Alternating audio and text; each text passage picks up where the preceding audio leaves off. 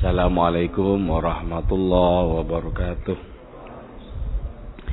Bismillahirrahmanirrahim. Hamdan wa sana'an laka ya Allah salatan wa salaman. Laka ya habib Allah wa ala alika wa ashabika ya khair halqillah amma ba'du. Laka ya Rasulullah wa li jami' man ittaba'a ya habib Allah min ladun Adam. Ila yaumil qiyamah radhiyallahu lana wa lahumul Fatihah. A'udzu billahi minasyaitonir rajim. بسم الله الرحمن الرحيم. الحمد لله رب العالمين. الرحمن الرحيم. مالك يوم الدين. إياك نعبد وإياك نستعين. اهدنا الصراط المستقيم. صراط الذين نمت عليهم والمغضوب عليهم ولا الضالين. آمين.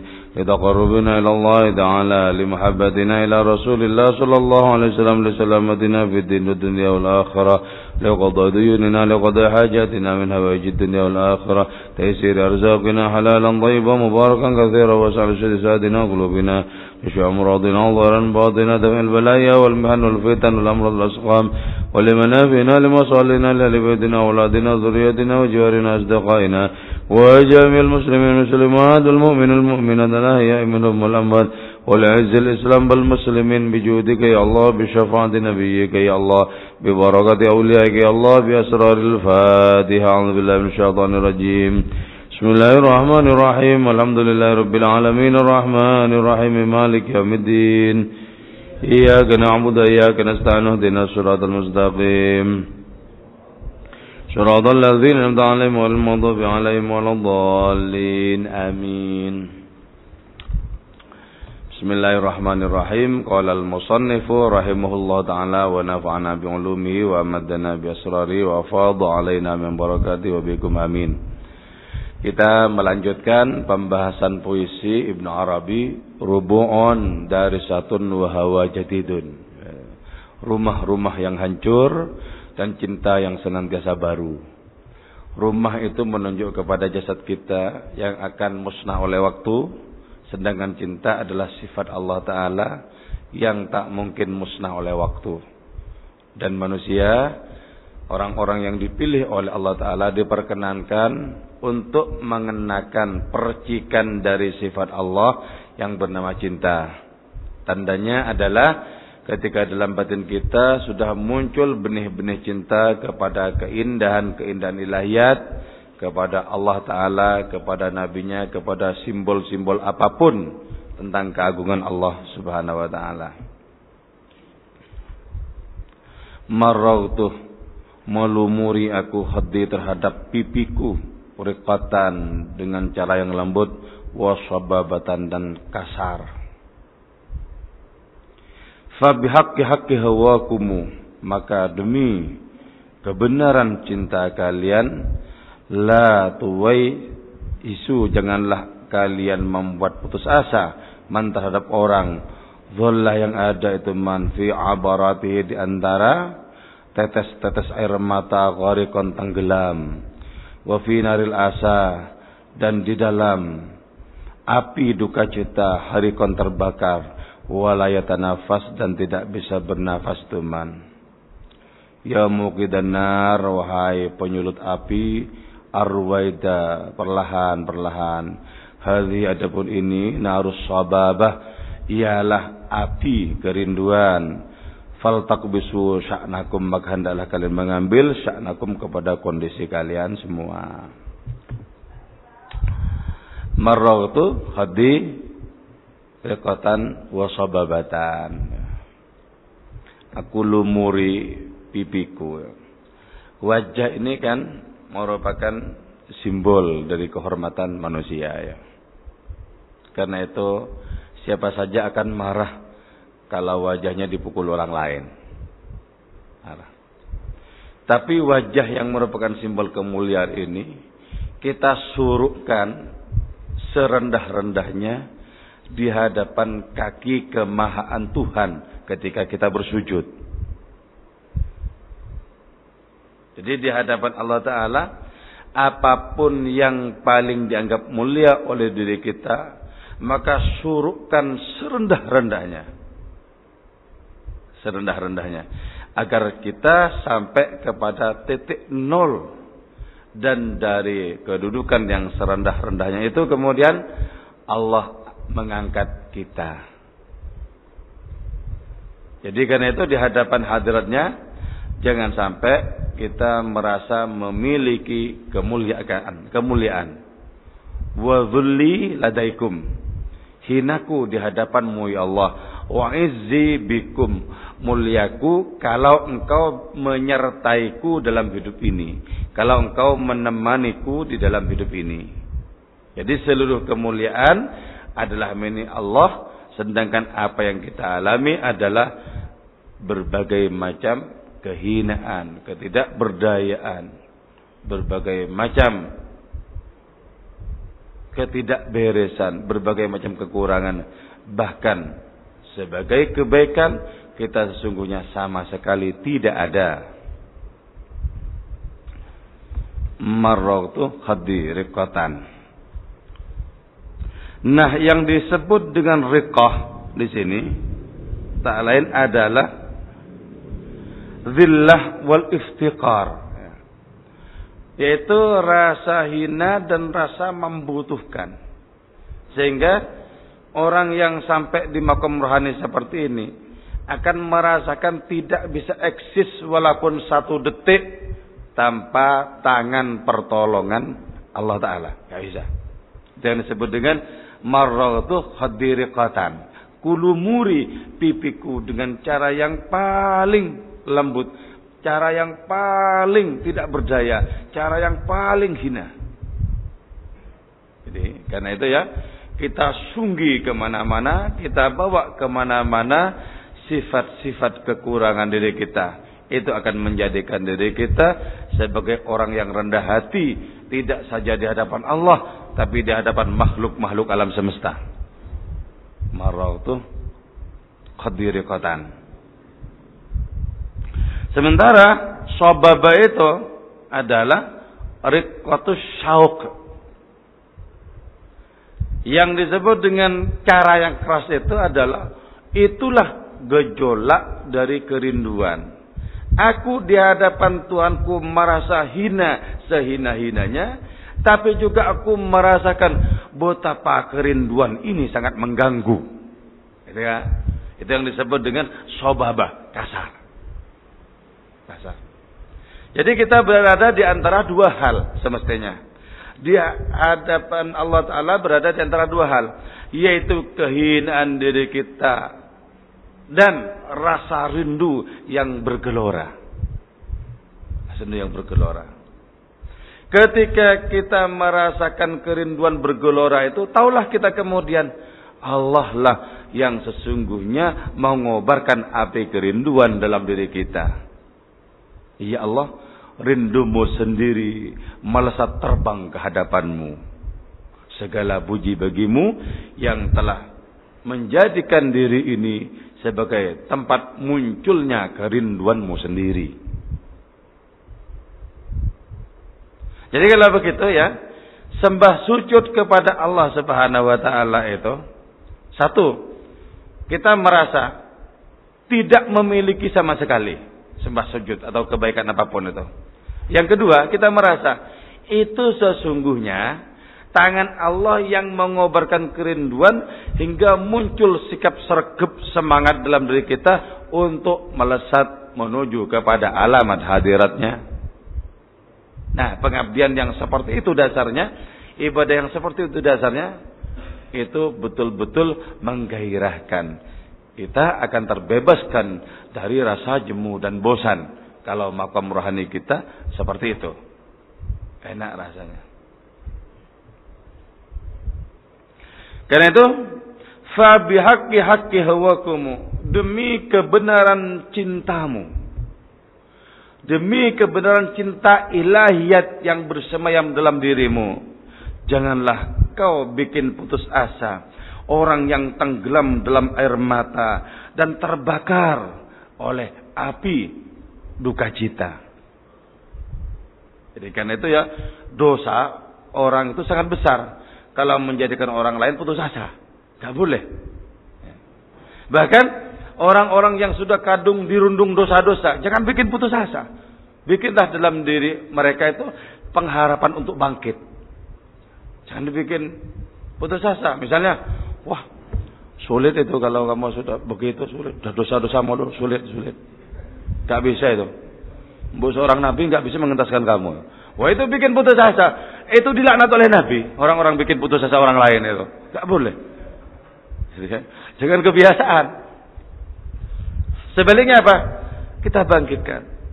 Bangkitkan pengharapannya karena berpegang kepada kemahaan Allah bahwa orang senajis apa pun dengan kehendak Allah itu bisa dirubah menjadi orang-orang yang bersih batinnya. Bukankah ada sesungguhnya seorang waliullah yang betul-betul bergelimang dosa kemudian seperti membalik telapak tangan diangkat oleh Allah taala menjadi kekasihnya menjadi waliullah. Dialah Salah satunya Bishr bin Haris Al-Hafi. Beliau seorang pemabuk, bukan mabuk Allah. Tapi mabuk betul mabuk-mabuk anggur, betul-betul mabuk oplosan. Mabuk. Setiap kali ada pesta, di situ pasti ada Haris Al-Hafi. Mabuk, kerjaan tiap malam itu mabuk. Ketika larut hari pulang ke rumahnya terhuyung-huyung. Begitu setiap malam keadaannya. Tapi pada suatu saat ada seorang waliullah itu bermimpi Nabi. Bermimpi Nabi. Di dalam mimpi itu Nabi bersabda kepada sang wali.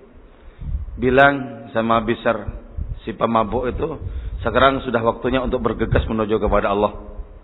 Si wali ini masih ragu dengan mimpinya. Memang nabi katanya kan. Tapi apa hubungannya dengan besar si pemabuk yang kurang ajar itu? Karena mimpi ini datang berulang-ulang sampai tiga kali, akhirnya dicari di malam itu. Bisar bin Haris ini dicari. Ketika dicari berada di sebuah pesta dan sudah teler. Tapi si wali ini tak peduli. Dalam keadaan teler sekalipun tetap disampaikan. Apa yang dipesankan Nabi dalam mimpinya itu. Bisa? Ada pesan Nabi. Kamu sudah waktunya. Sekarang bergegas untuk mendekat kepada Allah Ta'ala. Dalam kondisi teler. Si Bisar ini mengatakan. Kawan-kawan. Ini mungkin mabukku yang terakhir bersama kalian. Setelah ini. Mungkin aku tidak bisa kalian temui di tempat-tempat seperti ini lagi. Itu masih teler begitu begitu itu. Si teler. Nah, bukankah ini sesungguhnya seperti membalik telapak tangan? Orang yang paling najis langsung dibalik hatinya oleh Allah Taala menjadi kekasihnya. Sangat mungkin. Nah, maka tidak boleh misalnya kita sudah terkadung bergelimang dosa, kita kemudian menyepelekan kemahakuasaan Allah untuk merubah kita nggak boleh. Memang Allah Maha Kuasa, tapi sulit kayaknya berhadapan dengan saya. Enggak boleh. Itu berarti menyepelekan kehamahan Allah Ta'ala untuk merubah menjadi mulia, untuk merubah menjadi baik. Dan ya, ini yang waktu itu sezaman dengan Imam Ahmad bin Hambal. Imam Ahmad bin Hambal itu orang orang yang paling cerdas di zamannya. Para zaman. Walaupun Imam Syafi'i itu gurunya Imam Ahmad bin Hambal, tapi Imam Syafi'i memuji sekali kecerdasan, kealiman, keterpujian akhlaknya Ahmad bin Hambal ini. Tapi Ahmad bin Hambal ini sejak peristiwa itu sering kali datang ke tempatnya Bisar. Datang, datang. Enggak sewajarnya ya. Seorang yang paling alim, paling jenius, paling top di bidang agama itu kok datang ke rumahnya mantan pemabuk. Jadi sama sekali tidak semestinya. Sampai santri-santrinya Ahmad bin Hanbal ini bilang, "Guru, untuk apa guru sering datang ke sana? Bukankah guru adalah rujukan seluruh ilmu agama di zaman ini?" Kata Ahmad bin Hanbal, dalam ilmu pengetahuan agama mungkin benar apa yang kalian katakan bahwa Allah menganugerahkan kepada saya kecerdasan, pemahaman tentang ilmu agama. Tapi tentang alamat Allah bisa lebih paham ketimbang saya. Jadi ada orang yang ilmunya awam, tapi kenal alamatnya Gusti Allah. Ada orang yang cerdas dengan ribuan dalil tak kunjung mengetahui di mana alamat Allah. Walaupun alamat dalam konteks ini pasti simbolik ya. Maksudnya apa? Orang seperti Bisr bin Haris al-Hafi itu setiap saat menyaksikan Allah Ta'ala. Sehingga tidak pernah merasa terasing dari Allah. Sementara Ahmad bin Hambal dengan menggunakan berbagai macam dalil, pendekatan, Quran, hadis dan lain semacamnya masih berjuang untuk bisa merasakan Allah dengan sepenuh hati sebagaimana yang dialami oleh Bisr bin Haris al-Hafi. Makanya bolak-balik datang ke sana. Jadi ada orang tak fasih dengan dalil-dalil tapi akrab dengan Allah. Ada orang fasih-fasih dengan dalil-dalil tapi sama sekali merasa terasing dari Allah. Mana yang kita pilih? Jadi karena itu tidak boleh ya, membuat orang itu putus asa siapa pun itu. Kita berjumpa dengan pendosa yang paling tengik sekalipun berilah pengharapan. Pengharapan. Ketika bertanya kepada diri kita misalnya, apa masih ada jalan pertobatan? Oh, sangat luas, sangat luas. Nah, karena itu ya, satu saat ada bajingan yang mulai sadar seperti itu datang kepada Kiai Haji Muhammad Zuhri. Si bajingan ini bilang, guru, katanya, nah, mudah-mudahan saya tidak keliru datang ke sini. Maksudmu apa? Kata Kiai Muhammad Zuhri itu. Saya betul-betul ingin bertobat guru. Saya betul-betul ingin bertobat. Yang perlu bertobat itu saya, bukan Anda. Jangan ngejek begitu guru. Saya sudah malang melintang dalam dunia dosa-dosa dan muak dari dulu terhadap dosa-dosa itu, tapi tak kunjung bisa membebaskan diri dari cengkraman dosa-dosa itu. Kata Kiai Muhammad Zuri, apa yang kau putuskan sekarang benar. Karena itu adalah bukti kuat dari penyesalanmu untuk meninggalkan hari-harimu yang kelam. Itu adalah keputusan yang paling tepat. Kenapa saya katakan saya yang perlu bertobat? Karena dari dulu engkau sudah dihukum oleh masyarakat dengan mengecap dirimu itu bajingan. Dari dulu kau sudah dihukum. Dan hukuman masyarakat itu membuat dosa-dosamu tergugurkan. Jadi dari dulu kan bajingan-bajingan. Walaupun berhenti tetap dibilang bajingan. Walaupun berhenti.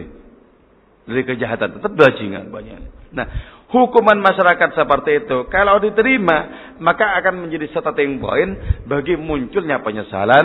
Bagi adanya pertobatan. Kata Kiai Muhammad Zari, saya semestinya bertobat karena dari dulu orang mengira saya itu alim. Padahal boleh jadi pikiran-pikiran jorok ada di dalam diri saya. Tapi orang tetap menyangka saya itu alim karena saya kiai. Kata si bajingan tadi, kalau begitu saya tidak salah datang ke sini. Saksikanlah bahwa saya akan meninggalkan masa-masa kelam saya. Jadi Perlu penanganan seperti itu. Seperti yang dilakukan oleh Haji Muhammad Zuhri itu. Perlu penanganan seperti itu. Berhadapan dengan siapa pun. Nah, sebab itu yang akan menarik hatinya menjadi lebih kuat terpaut dengan Allah Ta'ala. Nah, kalau sulit-sulit seperti ini untuk menarik orang. Ya. Kemudian karena berbeda paham kok kemudian mau dikafir-kafirkan. Wong nariknya aja sulit kok kemudian mau disingkir-singkirkan itu. Gimana tuh? Nari itu nggak mudah, dari orang itu nggak mudah kok. Untuk betul-betul sadar nggak mudah. Jadi tugas kita itu bukan membuat orang putus asa, ciptakan harapan-harapan di mana pun kita berjumpa dengan siapa saja. Jangan dibikin berputus asa, jangan dibikin pedih yang terlalu karena memikirkan dosa-dosa. Janganlah engkau menjadikan orang yang tenggelam dalam air mata dan terbakar oleh duka cita. Jangan jadikan orang seperti itu menjadi berputus asa. Orang seperti itu bernafas saja sudah untung. Kok masih mau dibikin berputus asa, dimeden-meden misalnya, wah sulit, kau bertobat sepanjang umurmu nggak bisa menghapus dosa-dosamu. Alam kuburmu itu nanti gawat alam kuburmu itu.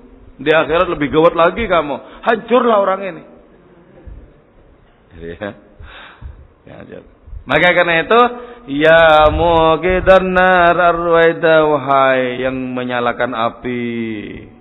Perlahan dong, bersikap lembut dong. Ini adalah api duka cita. Ayo perlahan-lahan. Siapakah yang menyalakan api itu? Siapa saja yang menyalakan semangat keagamaan? Ayo perlahan-lahan. Ngajak orang selembut mungkin. Fabima rahmatin minallahi lintalahum. Walau kunta fadhan ghalidhal qalbi lam faddu min haulik. Karena engkau bersikap lemah lembut Muhammad kepada mereka, lintalahum. Fabima rahmatin. Karena engkau dapatkan rahmatnya Allah wahai Muhammad, kau bersikap lemah lembut kepada mereka. Coba kalau kau kasar kepada mereka, kabur mereka itu. Jadi Nabi itu lemah lembut kepada siapa saja sampai mereka terpukau dengan keindahan rohani Nabi. Ayat yang menyatakan idza jaa nasrullah itu ketika datang pertolongan Allah dan kau menyaksikan orang-orang berbondong ke dalam agama Islam itu karena terpukau oleh sikap lemah lembut Nabi. Nah, sikap lemah lembut Nabi itu yang jarang diwakili di zaman akhir-akhir ini. Adanya adalah sikap kasarnya Nabi. Jadi yang dikutip kasarnya, lemah lembutnya tidak pernah dikutip dalam kenyataan. Makanya kemudian Islam menjadi semakin semakin sangar. Islam menjadi sangar. Padahal walau kunta fadhan walidul qalbi la fadhu min hawlik. Coba kamu kasar. Dikit-dikit kamu bilang kurang ajar. Habis mereka itu enggak tertarik sama sekali. Karena kau tidak mewakili sifat Rahman Rahim Tuhanmu.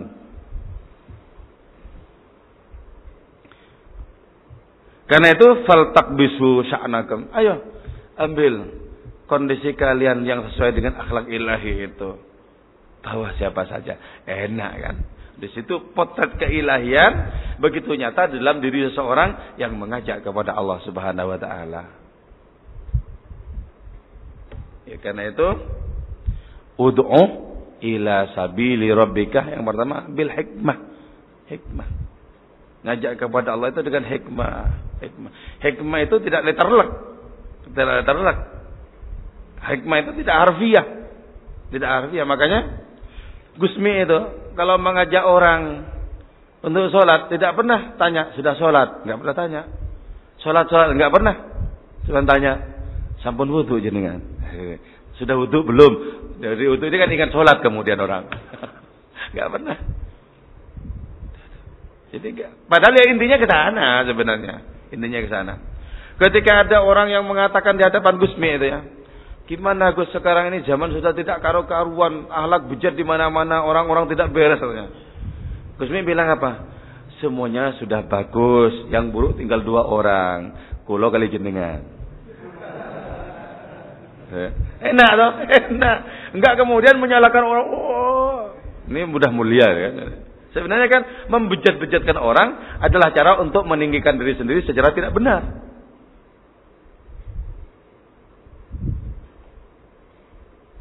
Betapa indah ya kalau ini diterapkan seindah puisi yang kita baca ini. Itulah yang disebut dengan rumah-rumah sudah hancur sementara cinta senantiasa baru.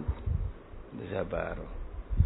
Apalagi orang bernafas dengan nafas cinta ilahiyat maka akan senantiasa segar hidupnya diberi tugas dia oleh Allah taala untuk mengajak siapa pun kepada hadiratnya dengan cara berdendang, dengan cara menari, dengan cara menyanyi, dengan cara apa pun yang menunjukkan sifat Rahman dan Rahimnya Allah Subhanahu wa taala. Ya, ya. Ada yang mau ditanyakan? Apa yang tidak paham saya kira bisa dipahami ya. Tinggal bagaimana kita merenungi, mengasah kemudian kita belajar untuk merasakan. Merasakan. Jadi kita di hadapan Allah Ta'ala minimal berada di antara dua hal. Yaitu perasaan kita tidak memiliki harga diri. Jangan dikira punya harga. Enggak ada harganya. Di hadapan Allah. Kenapa? Innal izzata lillahi jami'ah. Seluruh kemuliaan milik Allah yang pernah merasa punya harga. Meletakkan diri berharga di hadapan orang lain, lebih tinggi harganya dibanding orang lain, walaupun tidak diungkapkan sama dengan sombong juga. Misalnya diam-diam misalnya kan. Kalau itu di bawah saya.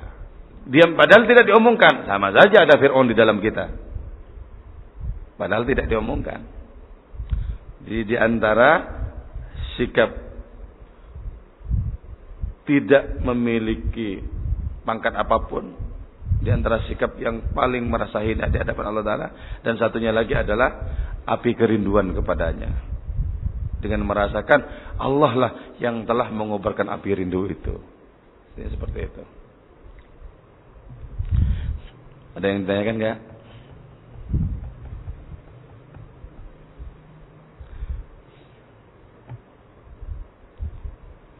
Ayo sambil di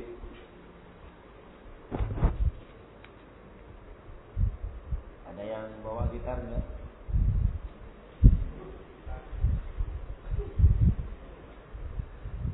Aku bawa jam besi kalau gak ada yang tanya ya. Ada? Oh ya, silakan. Nah, ditunda puisinya. Boleh. Akademis formalistik juga boleh.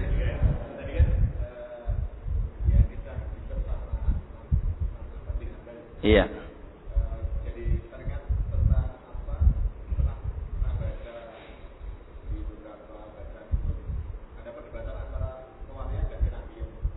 Iya.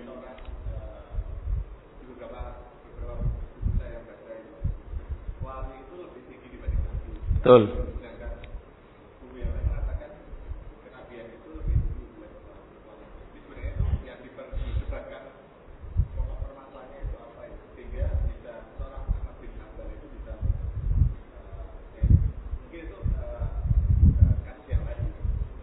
Iya.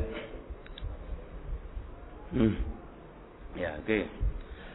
Di dalam diri Rasul ada tiga tahap sekaligus ya kerasulan, kenabian, kewalian. Yang paling rendah itu itu tahap kerasulan. Yang dimaksud rendah bukan berkaitan dengan pangkat di hadapan Allah ya. Bukan berkaitan dengan pangkat di hadapan Allah, tapi potensi-potensi Allah Taala yang diberikan dalam kerasulan itu itu paling minim. Paling minim. Terus kenapa kok paling rendah tahap kerasulan ini? Karena sebagai rasul, seorang nabi itu berbicara dengan umatnya sesuai dengan kapasitas umat. Jadi tidak boleh seorang rasul itu berbicara dengan umatnya dengan teori-teori yang berbelit-belit itu nggak boleh, haram hukumnya. Jadi jadi seorang rasul bukan untuk tidak dipahami, bukan, tapi sepenuh-penuhnya biar dipahami secara gamblang. Terus yang lebih tinggi dari kerasulan itu adalah kenabian. Kenabian. Nabi itu bisa berasal dari dua kata, yaitu naba'ah, yaitu memberikan kabar. Kalau nabi berasal dari kata naba ini orang yang mendapatkan firman Allah taala. Mendapatkan firman Allah taala itu orang yang mendapatkan disebut nabi. Nabi. Atau berasal dari kata nabayanbu yang berarti tinggi orang yang ditinggikan derajatnya oleh Allah Taala Nabi. Nah, terus yang tertinggi itu adalah kewalian si Nabi ini. Sebab berkaitan kalau kenabian ya yang berkaitan dengan berbagai macam informasi dari Allah Taala.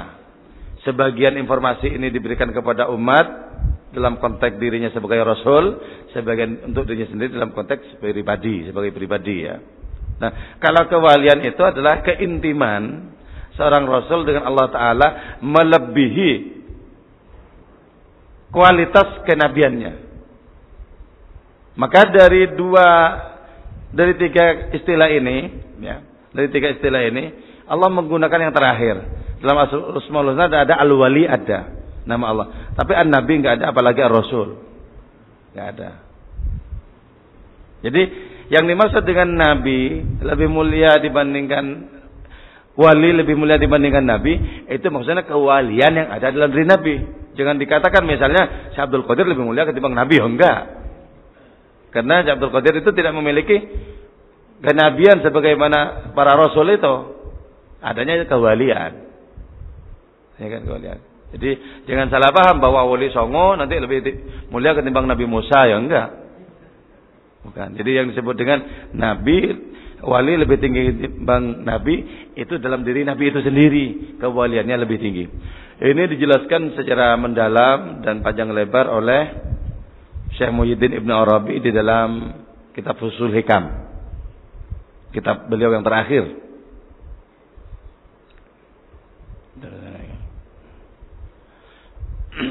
Nah, karena Nabi sudah berakhir dengan diutusnya Rasulullah, Rasul juga berakhir secara formal dengan diutusnya Rasulullah itu, maka yang tinggal tersisa karena itu cuma kewalian. Kenapa? Sesuai dengan bertahannya nama wali pada Asmaul Husna itu. Jadi nanti wali Allah itu baru musnah menjelang kiamat baru musnah. Kata Ibnu Arabi dalam kitab Sulekam, wali terakhir nanti lahirnya di Cina. Sudah diramalkan begitu di Cina. Wali terakhir itu disebut dengan Khatamul Aulia ya. Khatamul Aulia di Cina. Wali yang terakhir ini ini lahir kembar. Kembar. Yang satu perempuan keluar duluan, yang terakhir ini si Khotamul Aulad sekaligus Khotamul Aulia. Itu adalah orang terakhir, bayi terakhir yang dilahirkan. Setelah itu orang menikah, orang kawin gak punya anak. Itu nanti menjelang kiamat. Nah, wali terakhir ini doanya tidak dikabul oleh Allah Taala ketika ya Allah tolong jadikan orang-orang beriman gak dikabul. Sebab sudah sudah sudah menjelang akhir kehancuran gak dikabul. Gak dikabul. Ya, setelah itu fase-fase kehancuran. Karena itu hadis Nabi menyatakan betapa sangat buruk orang yang menyaksikan kiamat. Sebab kiamat hanya menimpa orang-orang yang yang bijak. Selama masih ada orang baik, berarti kiamat masih ditunda. Jadi tugas kita adalah apa?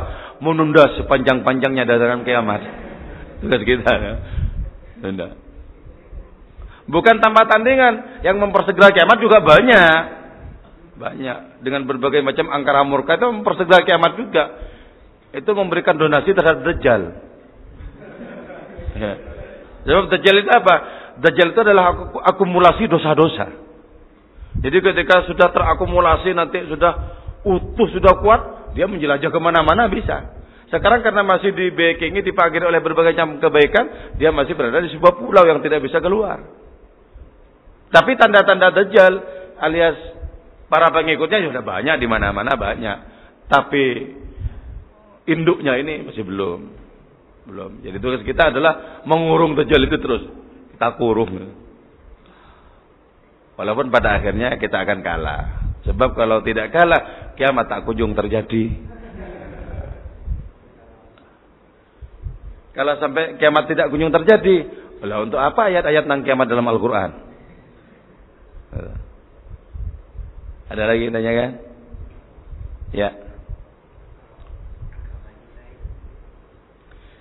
Agama cinta itu yang paling bertanggung jawab untuk mengulas dan untuk memberikan penjelasan yaitu dua orang sebenarnya yang paling bertanggung jawab yaitu Maulana Rumi dan Ibnu Arabi. Seluruh uraian tentang agama cinta dari selain keduanya hanyalah footnote dari keduanya. Tanggung jawab. Nah, secara konsepsional ya, tentu saja yang paling bertanggung jawab itu adalah Ibnu Arabi. Ibnu Arabi. Nah, agama cinta ya. Sampai ada puisinya nanti kita bahas di, belakang sini. Tanawu hatil arwah, roh-roh saling merintih. Ya. Di situ sampai diungkapkan adinu bidinil hub Aku beragama dengan agama cinta. Jadi seperti ini tadi agama cinta ya. Ketika sudah muncul degup kerinduan dalam diri kita dalam setiap sembah sujud dalam satu kebaikan, berarti agama kita itu agama cinta. Ketika orang agamanya itu sudah agama cinta, orang ini bebas dari taklif, dari beban. Kenapa? Seluruh ibadah sudah senang dirasakan. Bukan lagi beban, oh ini wajib kalau tidak dikerjakan maka akan akan kena dosa. Sudah nggak ada. Jadi sudah tidak ada hitung-hitungan dosa dan neraka sudah nggak ada. bagi orang-orang yang agamanya sudah agama cinta. Agama cinta.